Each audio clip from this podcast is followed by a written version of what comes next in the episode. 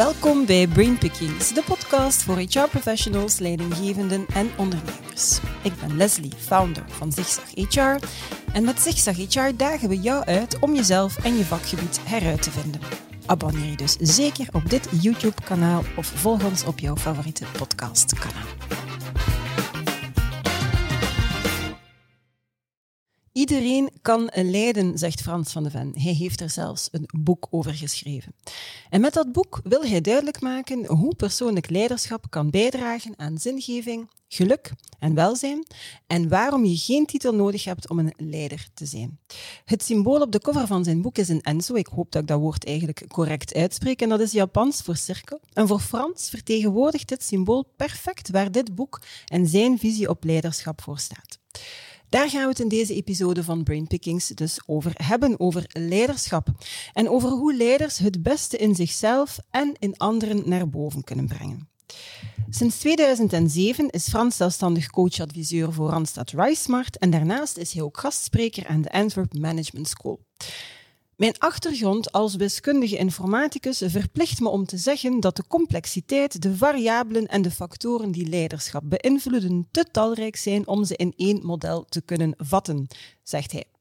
Hoe is een master in de wiskunde en informatica in godsnaam in HR terechtgekomen, vraag ik mij dan af. Dag Frans. Dag Leslie. Alles goed met jou? Jawel, jawel. Heb ik dat woord eigenlijk überhaupt juist uitgesproken, Enzo? Ja, Ik had ja, het jou beter ja, op voorhand gevraagd. Nee, nee, nee, Enzo is perfect. Ah, oké, oké. Prima. Blij ehm, dat ik eens in jouw hoofd eh, mag kruipen. Met veel plezier, Ben je er klaar voor? absoluut. Voilà, maar dan gaan we er meteen aan beginnen. Ja. Ik ben heel benieuwd, um, vooraleer dat we in jouw boek duiken, naar jouw loopbaanparcours. Ik zei het eigenlijk net al, van een master wiskunde informatica naar jouw huidige job. Wat is er gebeurd? Ja, lijkt een vreemde kronkel inderdaad. De Mhm. meeste mensen zouden het omgekeerd verwachten. Ehm, het korte antwoord is een burn-out, eerlijk. Mhm. gezegd. Ja, eh, dat is ondertussen 25 jaar geleden. Ik werkte toen eh, tien jaar in de informatica. En ik denk volgens de waarden en normen van heel veel mensen had ik het echt gemaakt in het leven, zoals ze dat dan Mhm. noemen. Hè. Ik was eh, IT-directeur bij Janssen Pharmaceutica, dus ik had, ik had een goede titel. Ik had een afdeling met 30 mensen. Ik werkte bij een gerenommeerd bedrijf. Ja. Dus naar de criteria van een aantal mensen die toch ook belangrijk zijn geweest in mijn leven, denk ik had ik het gemaakt. En Ja. moest ik gelukkig zijn? Ja, jammer genoeg niet dus. Nee. Ehm, het is iets genuanceerder natuurlijk wel het verhaal. Hè. Eh, de burn-out had deels te maken met mijn werk. Onder andere ook doordat, en dan komen we bij leiderschap, een aantal van mijn, mijn klanten als IT het moeilijk hadden om beslissingen te nemen. Dan wordt het heel moeilijk om IT-systemen te onderhouden en op te leveren. Ah, maar ik moet ook naar mezelf kijken. Ik had heel hard gewerkt. Ik had daarvoor bij een van de, de Big Five, heette dat toen nog in de consultancy, eigenlijk dag en nacht gewerkt, een jaar of vijf. Um, daar waren ook wel wat privé-elementen. Ik vind het wel belangrijk om te zeggen, omdat ja, het wordt toch Het vaak is niet altijd het werk alleen? Nee, nee, nee, ik geloof dat persoonlijk niet. Mhm, Nee, nee, ik denk altijd dat het een samenloop van omstandigheden is. Bij mij was mijn vader, die, die werd ouder, was aan het dementeren, werd moeilijk om nog alleen thuis te blijven. Ik had met mijn vrouw ook een jaar lang een huis verbouwd. Dus eh, ja, als dat allemaal optelt, sta niet Ja. versteld, maar ja, ik heb alle signalen eigenlijk eh, Naast u neergelegd. En naast me neergelegd, ja. je raakt zo in die, in die stroom van elke dag. Hè.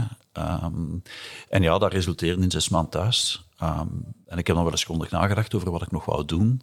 Hè. Eh, dat doe je niet de eerste weken, want ja, je doet eigenlijk niks in zo'n burn-out in het begin. En dan tot de conclusie gekomen dat ik eigenlijk management en leiderschap best wel leuk eh, vond. Ehm, dat IT toch niet de grote passie was. Ik heb nog altijd interesse in IT. Ehm, en vooral dat het geven van workshops, dat ik dat eigenlijk wel leuk vond. Ik had Ja. het gedaan in de consultancy rond project management en change management. Janssen Pharmaceutica kende mij ook zo. En ze hebben mij toen de gelegenheid gegeven om naar training en development te gaan in HR. Oh, mooi. Ja, Ja. absoluut heel Ja. mooi. Ik ben daar enorm dankbaar voor. Ik ben ook de manager die ik toen had in HR enorm dankbaar. Mhm. Oh, ik voel het nog als ik het vertel. Ehm, ja, dat is me die kans gegeven. En dat was Mhm. echt mijn ding. Ik vond dat zalig. Wij gaven zelf ook nog workshops. We hebben geleide teams. Ehm, ik heb mij in prestatiemanagement mogen verdiepen, lokaal, globaal. We hebben succession planning omgevormd naar talentmanagement. Eh, we hadden al een voorloper van een welzijnsbeleid, Better Ja, Balance, Better. Business. Ja, Ja, ja. dat was echt heel leuk, ja, absoluut. Ja.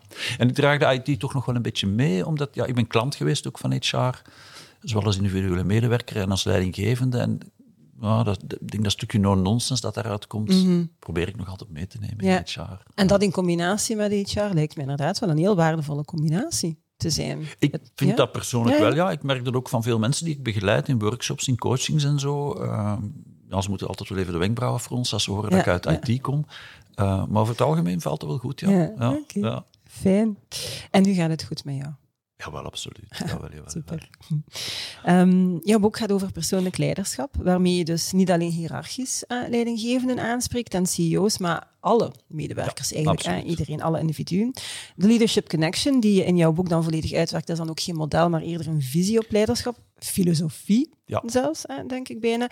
En dat brengt ons terug naar de essentie van leiderschap. Ja, uiteraard wil ik dan heel graag weten van jou, wat is de essentie van leiderschap? Ja, dat is een hele goede vraag. Misschien nog even stilstaan bij de model. Het is inderdaad geen model. Hè. Er zijn gigantisch veel modellen over Ja. leiderschap. Als je dat googelt, krijg je in het Engels krijg je meer dan een miljard eh, hits. Ik heb soms het gevoel dat er evenveel vormen van leiderschap of modellen zijn als er adjectieven zijn. Hè. Participatief, inspirerend, dienend. Ik ben op zoek eigenlijk naar de essentie, meer eigenlijk naar basisprincipes die, die ja, zoals het woord het zegt, aan de basis liggen van leiderschap. Ah, en dat heeft dan vooral voor mij te maken met invloed. Ja. Daar moet ik onmiddellijk bij zeggen dat eh, dat een moeilijk woord is voor sommige mensen, want die associëren dat snel met manipuleren. Ja, Zo, hè. ja, terwijl dat manipuleren ook niet noodzakelijk negatief hoeft te zijn. Wel, dat hangt er een beetje vanaf hoe dat je het Hoe dat je het definieert. Ik denk als je manipuleren definieert als mensen in een richting duwen waar ze noodzakelijk zelf niet helemaal naartoe Nee, willen, misschien ook niet onder de juiste voorwendsels met de juiste objectieven, dan ben ik daar niet zo'n voorstander Nee. van. Ah, vandaar dat ik eigenlijk ook spreek over positieve invloed. Wat, Mhm. wat is dat dan voor mij, positieve invloed? Dat, dat dient eigenlijk twee doelen. Punt één, uiteraard resultaten van organisatie bereiken. Ah, maar ook wel inzetten op het ja, eh, zelfrealisatie van mensen, werkgeluk. Hè. En ik geloof absoluut in die twee combinaties, dat die Mhm. Ja. twee samengaan. Ja. Ja. En dan kom je bij positieve invloed. ah, en dan zeg ik inderdaad, iedereen kan leiden. Eh, Het is eigenlijk de, de, de realiteit is voor mij nog veel sterker. Iedereen leidt. Hè. Jij leidt nu dit gesprek. Mhm, Hè. Ik kan proberen de leiding van het gesprek over te nemen. Maar overal waar meer mensen samen zitten, is er, is er zo'n invloed. Ehm, en het is een kwestie eigenlijk van daar bewust mee om te gaan. Heel veel van die invloed is onbewust. En ik Ja. heb ook in mijn definitie van leiderschap gezet, het is eigenlijk een proces van bewustzijn, van zelfinzicht. Uh, om te kijken hoe je die positieve invloed dan kunt aanwenden om het beste in jezelf en anderen naar boven te Ja. brengen. Om, en dan stel ik dan de bedrijfsleiders misschien mee gerust, uiteindelijk wel de objectieven van de organisatie te bereiken. te bereiken. Ja, ja. Dat is inderdaad ook niet onbelangrijk. En effectief die combinatie, jezelf en anderen. Het is, het is de twee. Het begint waarschijnlijk zelfs een stukje bij Ik, jezelf. ik hè. ben daar Ja. heel erg, ik, ja, ik geloof daar heel erg in. Ja. Hè. Eh, Het begint bij jezelf. Ik denk dat je moeilijk het beste in anderen naar boven kunt brengen als je het niet bij jezelf doet. Absoluut, Eh, eh, veel mensen hebben dat verwoord. Die zeggen, het de sterkste leiderschapstoel dat je hebt is je eigen voorbeeld. hè. Gandhi zei ooit mooi, hè, wees de verandering die je zelf wil Mhm, Ja, zien. ja. Is ook eigenlijk een voorbeeldfunctie. Absoluut. Ja. Ja. Oké. De cover van jouw boek dan. Het is niet zomaar een cirkel, het is een Enzo-cirkel. En je start jouw boek met echt een heel boeiend verhaal en een ferme les Japans. Misschien moet je dat een beetje duiden om mensen wat nieuwsgierig te maken. Ja, het is meer dan een les Japans, het is eigenlijk een les zen-boeddhisme. Ja, Eh, eh, ik heb een beetje getwijfeld, heb Melano Campus gezegd van gaan we dat wel doen, zo'n soft verhaal. Maar voor mij is het niet zo soft. Mhm. hè. Ehm, de Enzo is inderdaad het Japanse woord voor cirkel. Nu, ehm, die cirkel symboliseert heel veel. Mhm. Je hebt een gesloten cirkel en een open cirkel. Gesloten is perfectie, open is imperfectie. Ehm, dat vind ik wel mooi eigenlijk, want ja, leiderschap is ook nooit perfect, het is iets Mhm. menselijks. En dan die, die open cirkel staat voor dingen zoals zelfinzicht, daar hadden we het daarnet over, zelfrealisatie. Ehm, en dat is toch leiderschapsontwikkeling voor mij. En dat vind ik wel leuk, want dan leg je een beetje de link ook met positieve psychologie eigenlijk. Hè, Ja. Waar ja, Maslow zegt van de hoogste behoefte van mensen is om zichzelf te realiseren. Het staat voor eenvoud ook, die cirkel. Ehm, terug naar de essentie, waar mijn leiderschapsvisie voor staat. Het staat ook een beetje terug naar, niet naar de natuur, maar naar het natuurlijk zijn. En ik heb het onder andere over authenticiteit en authentiek maatwerk in mijn boek. Ja, dat is terug naar jezelf gaan. Ja. En het laatste vind ik wel mooi, eh, dat, dat vertalen zo mooi, is actieve rust, zeggen ze in het zen-boeddhisme. Hè, Dus dat je in een hele hectische omgeving toch rustig kan zijn. Ehm, en dat heb je met mijn visie ook wel nodig. Als je, als je goed eh, je invloed wil gebruiken, dan moet je eigenlijk eerst goed de situatie observeren waar je in zit. Eh, dat is één, om dan je, je leiderschapsstijl aan te passen. Ehm, en ten tweede zul je toch ook een beetje stil moeten staan als je mijn boek leest om over je eigen gedrag Ja, na te denken. ja, ja. Dus ja, toch wel zijn boeddhisme inderdaad in het eh, boek ook. Hè. Ja. Zeg, en ik hoorde jou dan inderdaad zeggen van, zouden we dat wel doen? Ehm, merk je daar dan niet dat er een stukje al een kentering is? Want vroeger moest dat allemaal inderdaad koud, blauw. Ik ga het nu even zo, zo omschrijven. Er is toch wel wat meer aandacht voor het spirituele, voor, voor ja, inderdaad, zen-boeddhisme. Het, het, het, ik, heb de, ik wil geloven, ik ga het zo zeggen, dat er daar een kentering is. Ik denk dat ook wel, ja. Ik zie Ja. dat ook wel meer, dat, hè, zoals ze dat traditioneel zo mooi zeggen, de Oost en West dichter bij Ja. elkaar komen. Ja. Dat en ik gezegd, merk ja. ook dat er ehm, heel veel leuke reacties zijn gekomen op dat deel van het boek. Want het is helemaal het begin van het boek. Ja. Mhm. Hè. Ik was een beetje bang dat mensen zouden afhaken, zo van, oh, zijn boeddhisme. Uh, maar ik krijg eigenlijk het tegenovergestelde van de meeste Ja. mensen tegenovergestelde reactie. Ja, Ja, die zeggen van, oh, eigenlijk wel boeiend. En die, die kan zelf op zoek naar hè, wat dan eh, Enzo en, en Ja, en die willen dan meer weten daarover. ja, ja. En die duiken dieper inderdaad. Ja, Ja. Dat was ook het effect dat ik Ah, heb ervaren. Dus, eh. Hm. Oké, Ehm, goed. Leiderschap dan. Je hebt er net al een stukje en jouw, jouw visie op leiderschap wat gegeven. Ehm, het gaat in je boek over de leadership connection en die, die visie dan. Ehm, en de twee basisprincipes daarvan. Laat ons daar misschien inderdaad eens op, eh, op inzoomen. Dus positieve connectie en authentiek maatwerk. Ja, absoluut. Vertel. Ehm, laten we beginnen bij positieve Mhm. connectie. Ik heb me eigenlijk de vraag gesteld, ja, wanneer zou ik zelf bereid zijn om iemand te volgen? Leiderschap gaat over het volgen van iemand. En dat is een oefening die ik trouwens ook heel veel in presentaties doe. En dan mogen mensen interactief voten, dat is heel leuk. Dan krijg je zo'n mooie wordcloud en dan vraag ik aan mensen, wat moet er in een relatie voor jou aanwezig zijn, opdat je bereid zou zijn om iemand te volgen? Mhm. Ehm, en dan komen eigenlijk de vijf elementen die gedefinieerd heb binnen positieve connectie er heel snel uit. Op nummer één, altijd vertrouwen. Ja. Ik denk dat dat ook logisch is. Ehm, respect scoort ook heel hoog. Mensen vinden het veel leuker en makkelijker om iemand te volgen die ze respecteren. Erkenning. Wat is er leuker dan erkenning krijgen als je Ja. iemand volgt? Niet alleen voor wat je doet, maar ook voor wie dat je bent. Ehm, en dan heb ik er twee aan toegevoegd die voor mij wel belangrijk zijn. Vanuit mijn ervaring heeft te maken met autonomie. Hè, Als je samenwerkt en je werkt samen met iemand, is het toch wel leuk om te weten van ja, wat is jouw autonomie, wat is mijn autonomie? Ja. Ehm, ik pleit niet voor de uiterste, uiterste is een zelden goed.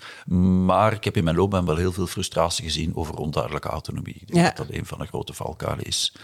En het laatste is aan zingeving. Ehm, ook net gesproken over zen-boeddhisme. Ik denk dat zingeving gelukkig, en daar ben ik heel blij mee, ook iets is dat meer en meer naar boven komt.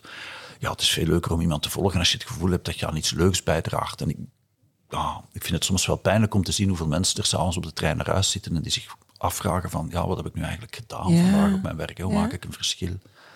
En ik heb dan geprobeerd die, die vijf elementen, ja, daar ingrediënten voor te geven. Ehm, ja, dat gaat ons wat te ver leiden. Maar bijvoorbeeld één voorbeeldje bij vertrouwen is ehm, dat je het gevoel hebt dat de ander opkomt ook voor jouw belangen. hè. Ja. Ehm, dat vind ik wel een mooie. Hè. Natuurlijk kunnen niet al jouw belangen in een organisatie behartigd worden, maar als je het gevoel hebt dat iemand anders of je, je manager echt geïnteresseerd is in wat jij belangrijk eh, vindt en hij of zij zijn best doet om daarvoor op te komen. En mensen moeten dan zelf een beetje kiezen in het boek ook. Ja, dus zoals koken, van welke ingrediënten Ja. wil ik in mijn relatie stoppen. Ehm, we hebben allemaal onze smaken en voorkeuren. En af en toe ook afkeer. Ehm, dus dat is het Ja. stukje positieve connectie. Mhm. Zeg, en ik hoor je dan daarnet ook zeggen bij die autonomie, duidelijkheid. Dat vind ik ook wel inderdaad een heel belangrijke, want het is voor veel mensen het gebrek aan duidelijkheid dat maakt dat ze het gevoel hebben van oké, ik wil ik wel volgen, maar hoe moet dat hier nu? Dus ik, Ja. ik hoorde dat een heel stuk in die autonomie. Ze willen autonomie, maar ze willen daar duidelijkheid over. Van Ja. wat mag ik of wat kan ik zelf Ja. eh, beslissen, maar, maar wat is misschien ook de koers waar ik dan wel niet mag van afwijken? Absoluut, absoluut. Ik, ik denk dat zowel, al, ik denk dat de twee partijen eerlijk moeten zijn over welke behoefte heb ik aan controle. Mhm. Natuurlijk staat er eens goed bij stil, is dat wel echt nodig. hè? En de andere persoon moet eerlijk zijn over welke behoefte heb ik aan autonomie en daarover Ja. over spreken. Maar dat gebeurt heel zelden. hè. Ja. Ik maak de vergelijking in mijn boek met, eh, met strandvolleybal, waar ik zeg, ja, als we strandvolleybal spelen, dan baken we onmiddellijk het veld af. hè. We zetten een paar slippers in Mhm. De grond, we maken een net. Daarvoor beginnen we geen strandvolleybal te spelen. En in organisaties zie je vaak dat mensen samen aan iets beginnen en dat er, ja, dat, geen doe maar. gezegd. Doe maar. Ja, doe maar. Ja, Ja. en dan loopt het inderdaad Ja. want iedereen gaat met een andere ingesteldheid van wat de spelregels zouden kunnen zijn. Of, of wat dat, ja, dus- Ja. Ik, trek de vergelijking vaak door. Als jij op het terrein komt met een volleybal en ik kom met een basketbal, ja, dan gaan we niet zo moeilijk, geweldig samenwerken. ja. Nee, dat klopt, dat klopt. Goed. ehm, dat is dat eerste basisprincipe dan, positieve connectie. Ja. Tweede basisprincipe, authentiek maatwerk. Ja, wat ik daar dan van dacht als ik dat boek dan eh, doornam, is van, ja, als je dat opzoekt, betekent u zelf zijn.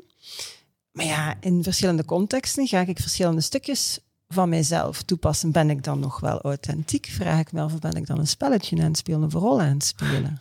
Nee, nee, ik ben heel blij dat je die reflectie maakt, want ik vind dat die veel te weinig gemaakt wordt. Hè. Veel mensen denken bij authenticiteit van ja, er is zo één vorm van mezelf en dan ben ik mezelf. Mhm. Ah, maar zoals je zegt, vermoedelijk Leslie die mij nu interviewt, is misschien een andere Leslie dan degene die morgen met haar medewerkers hè, Mhm. zigzag HR coördineert. En bij mij is dat ook zo. Ehm, ik denk dat we allemaal meerdere versies van onszelf hebben. Daar is ook heel wat uh, onderzoek door gedaan. En authentiek maatwerk voor mij is dan eigenlijk gaan kijken van, ja, welke versies zijn er van mezelf? Wat is de situatie? En de situatie is voor mij een stuk ehm, genuanceerder dan puur is de persoon hè, capabel en gemotiveerd. Het is een mhm. beetje de oude model, dat heeft te maken met cultuur, met mhm. timing, de aard van de activiteiten. En dan gaan kijken van, ja, welke versie van mezelf wil ik hier uh, naar boven brengen, gezien de situatie en de objectieven die we moeten bereiken. Ja. Uh, en dat vraagt ook wel heel wat zelfinzicht natuurlijk. Hè. Ja, ja. begin inderdaad opnieuw bij jezelf. Maar dat is, dat is inderdaad een... Um, en voor, voor mijzelf is dat dan... Bleek dat een tegenstelling van... Ja, als ik dan altijd een andere rol bijna ga spelen, ben ik dan wel authentiek nog altijd? Ik wil dan geloven van wel, maar je gaat je een stukje vanuit ja, de context een beetje empathisch gaan aanpassen. Van oké, als ik die doelstelling wil realiseren, dan weet ik dat in deze context met deze mensen of deze persoon beter op die manier zal lukken dan op die manier.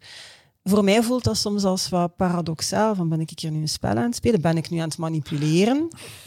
Ja. Ik, ik denk dat dat mooi is dat je de link legt met manipuleren. Ik denk als je, je, je doelstelling is puur om te manipuleren, of vanuit eigen belang of een ander belang dat doet, uh, dan gaat het volgens mij niet erg authentiek mm. overkomen. Maar als je zegt, ik ben een slechte luisteraar en ik wil uh, bijvoorbeeld meer de ideeën van andere mensen capteren en ik heb echt een goede intentie, volgens mij heeft het veel te maken met de intentie. Mensen voelen dat snel. Mm -hmm. uh, heeft iemand de intentie echt om te luisteren nu? En misschien is het nog een beetje kunstmatig en zo, mm -hmm. maar we mhm. voelen dat die intentie er is. Ik denk dat dat belangrijk is. En vanaf het moment dat je een intentie hebt, heb ik het gevoel dat het ja, dat je heel veel kans hebt om wel authentiek over te komen. Ja, ja. oké. Want ja, het is gewoon, ik vind het soms een woord dat misbruikt wordt door mensen.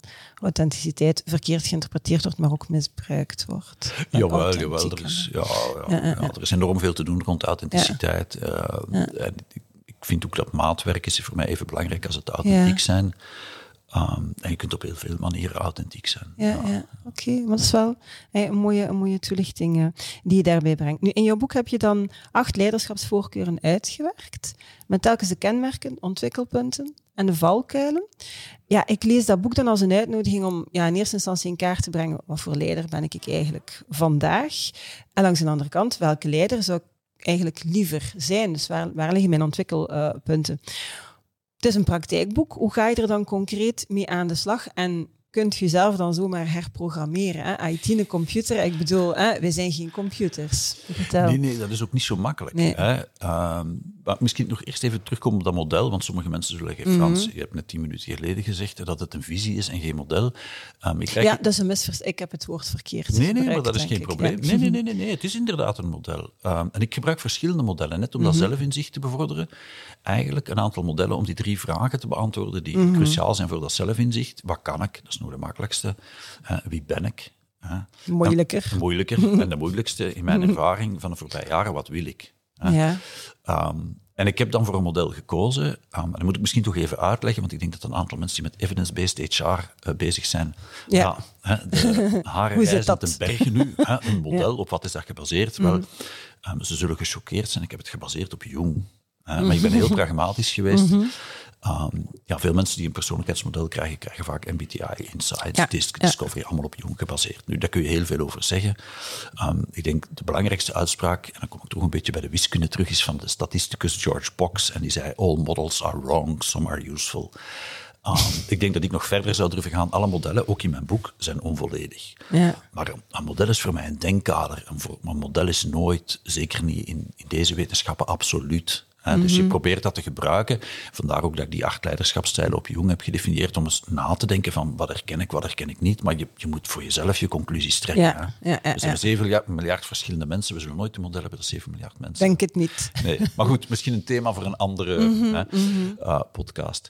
Dus ja, inderdaad is dat veranderen dan makkelijk. Nee, dat is het niet. Um, ik uh, ben ervan uitgegaan dat heel veel van wat we doen gewoontes zijn. Hè, en neurologen, neuropsychologen zeggen dat ook, tot 90 procent. Dus niet alleen welke schoen je eerst aantrekt mm -hmm. en hoe je de straat oversteekt, maar ook vergaderen, beslissingen nemen, met anderen in overleg gaan, plannen.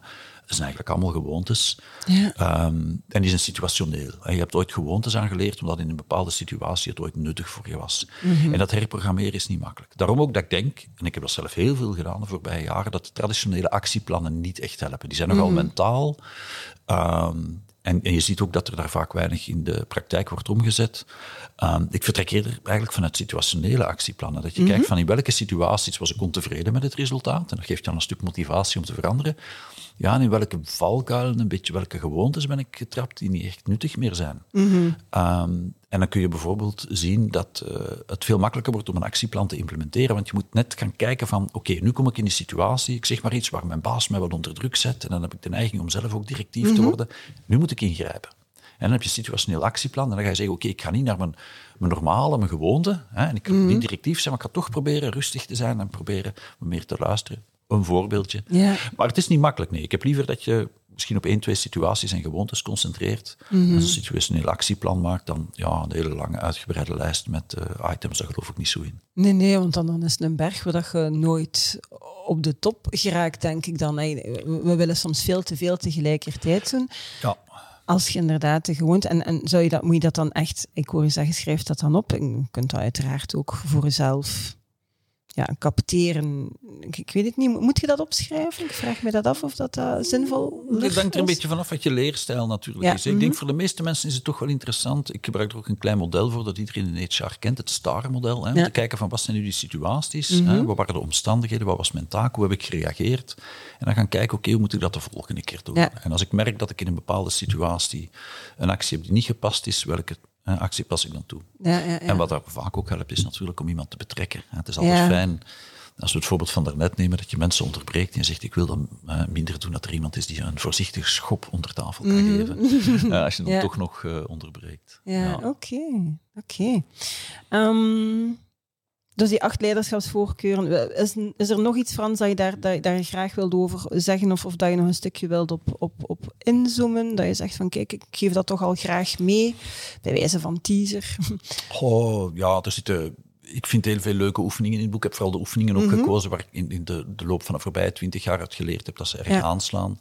En dat ze werken. En dat ja, ja, ook absoluut. Ja, ja, wel dat Ja. ze werken. Ja. Maar je moet er de tijd voor nemen. Hè. Een stukje introspectie is niet makkelijk. Ehm, waar ik wel heel sterk in geloof, is dat ook feedback vragen wel interessant is. Hè. Want Ja. ehm, veel oefeningen zijn introspectie, maar we hebben allemaal onze blinde vlekken in de twee richtingen. Hè. Dingen Mhm. waarvan we denken dat we heel goed in zijn, waar we misschien niet zo goed in zijn. En omgekeerd dingen waarvan we zeggen, dat zit een beetje in onze Belgische cultuur ook van, oh, ah, ik ben er niet zo geweldig in, waar andere mensen zeggen, ja, maar dat doe je echt Mhm. Ja. heel goed. Ehm, dus neem die feedback mee.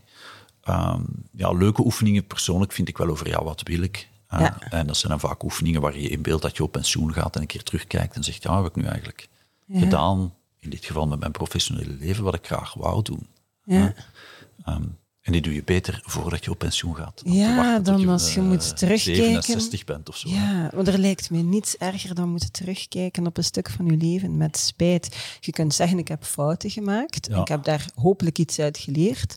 Maar als je moet terugblikken op 20 of 30 jaar en daar is alleen maar het woord spijt, had ik dat? Of, man, dan is het inderdaad beter om er nu even tijd voor Ja. te nemen en regelmatig die oefening te maken. Hè? Ja, ja, ja. ja. Komt behoorlijk vaak tegen, als ik eerlijk mag zijn. Ik doe redelijk wat executive coaching vaak. Ja. Ah, En het oh. verbaast me soms dat ik mensen tegenkom van mijn eigen leeftijd, zo rond de 55, die, ja, waar we beginnen te coachen rond vaardigheden en waar we Mhm. na één, twee gesprekken het eigenlijk hebben over de loopbaan. En mensen een hele ladder zijn opgeklommen en boven over de muur kijken en beseffen dat een ladder tegen de foute muur staat. En dat is, ja, Ja. ja. Ja, ja, dat is best wel pijnlijk, ja. Ja, there is no way back. Hè? Je, kunt, je kunt een tweede fase, maar ik bedoel, dat is, die jaren zijn wel. Ja, ja, de jaren zijn gepasseerd dan. Hè. Ja. Ja, Dus toch af en toe maar stilstaan. Even Ja, nadenken, hè. Ja. absoluut. Toont nog maar een keer het belang van effectief in jezelf te duiken om de zoveel tijd doorheen gaan ze die Ja. loopbaan. Hè? Ja, Ja. Om af te sluiten, Frans. Heel wat mensen gaan uiteraard jouw boek lezen om inspiratie te danken over persoonlijk leiderschap. Ongetwijfeld laat jij jezelf ook inspireren door boeken, mensen. Vertel, wat, wat moeten we naast jouw boek nog lezen of wie kunnen we naast jou nog volgen voor inspiratie? Ja, dat is een mooie vraag. Ehm, ik denk mijn eerste antwoord zou zijn, is dat als je eh, naar leiderschap kijkt door de bril die ik geef, in de zin van zelfinzicht en positieve invloed, dat je eigenlijk in heel veel boeken voorbeelden vindt over leiderschap, zelfs in fictieboeken. Ja. Maar het is kwestie van ze anders te lezen. Hè?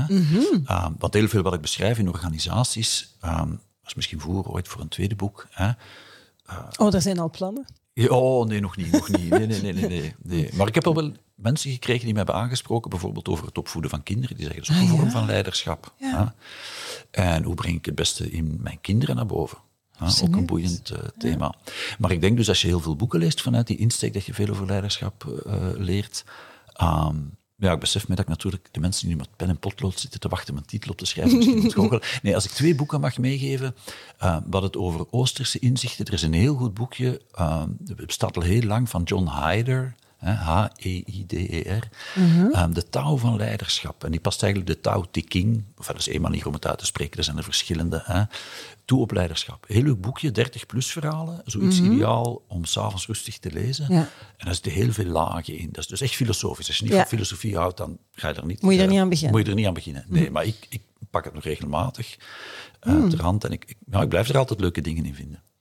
Ehm, En een tweede boek, denk ik... ehm, ik, ik vind Brené Brown. En Ah, die, ja. kennen we uiteraard Ja, wel. The ja, Power of Vulnerability. Ehm, dan moet ik eerlijk zeggen dat ik vandaag, ja, zeker ook als ik met directiecomité's samenwerk, toch nog wel wat macho, en we eerlijk zijn, matcha, ook wel gedrag toe Ja. Ja. Ehm, Ja. en dan denk ik dat haar boek Dare to Lead, hè, Durven te leiden, ehm, vind ik ook wel een heel mooi boek. Ja, ik er heb er haar, zoveel. ja. ja, jaren geleden heb ik haar mogen ontmoeten, Frans. Ah, ik was op een conferentie in de Verenigde Staten voor Learning and Development. En zij was een van de keynote speakers. Ik was in mijn internationale delegatie. Ik zat op de eerste rij. En daarna in het delegatiehotel stapte ze uit de lift en ik moest erin stappen. Ja, ik heb haar niet laten gaan. Nee, nee, nee, nee, nee, nee, Ik heb dat snap even ik. Nee. Fantastische vrouw. Ze is zo inspirerend als dat ze overkomt Ja. in het publiek. eh, Of, ja, ik- ze is, ik ze is vind, fantastisch. eh, ik vind het ongelooflijk te meer, en dat is een beetje stereotyperen, maar ze komt uit Texas. Hè. Houston is, is de hometown. Ehm, en, en ja, binnen Johnson Johnson heb ik ook Amerika wel wat leren kennen. En, en ja, Texanen zijn niet direct het schoolvoorbeeld van de kwetsbaarheid. En ik vind om in zo'n omgeving zoiets neer te zetten, vind ik echt wel eh, ja, vind ik uitzonderlijk. Ja, ja. Ah, mooi, dankjewel. Merci voor, eh, voor de twee tips, eigenlijk drie tips, want uw boek uiteraard hoort er ook bij. Dat moeten de mensen zeker en vast eh, ook lezen.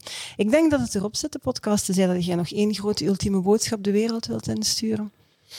Nee, geen ultieme boodschappen van mij. Dat is een beetje wat ik heb proberen te vermijden. Hè. het, is, het is terug... eh, en dan is de cirkel rond eigenlijk. Toen ik naar Ja. Labo Campus ging, eh, heb ik gevraagd of no nonsense op de backcover van het boek maar, want dat wou ik heel graag. En dat mocht. En dat mocht, Eh, ja.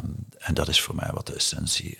zo, eh, er, zit ook heel wat, er zit ook heel wat gezond verstand in. Veel mensen Ja. zeggen mij ook, Frans, ja, er zit geen rocket science in dat boek. Maar het is niet omdat het eenvoudig is, dat het ook eenvoudig is om toe te passen. Dat is voor mij een groot verschil. Absoluut. Ik denk dat dat inderdaad een heel waardevolle Ja. is om eh, de podcast mee af te sluiten. Heel goed. Dank Dankjewel dat ik eh, in jouw hoofd mocht kruipen, Frans. Met heel veel plezier. Dankjewel ook eh, aan jullie om te luisteren of om te kijken. Vond je deze podcast fantastisch? Vertel het dan natuurlijk aan zoveel mogelijk mensen verder. Heb je honger naar meer? Registreer dan zeker op ons YouTube-kanaal of volg onze podcast via jouw favoriete podcastkanaal. Het allerbelangrijkste, dat weten jullie al, blijf het zeggen. It's a great time to be in HR. Tot de volgende.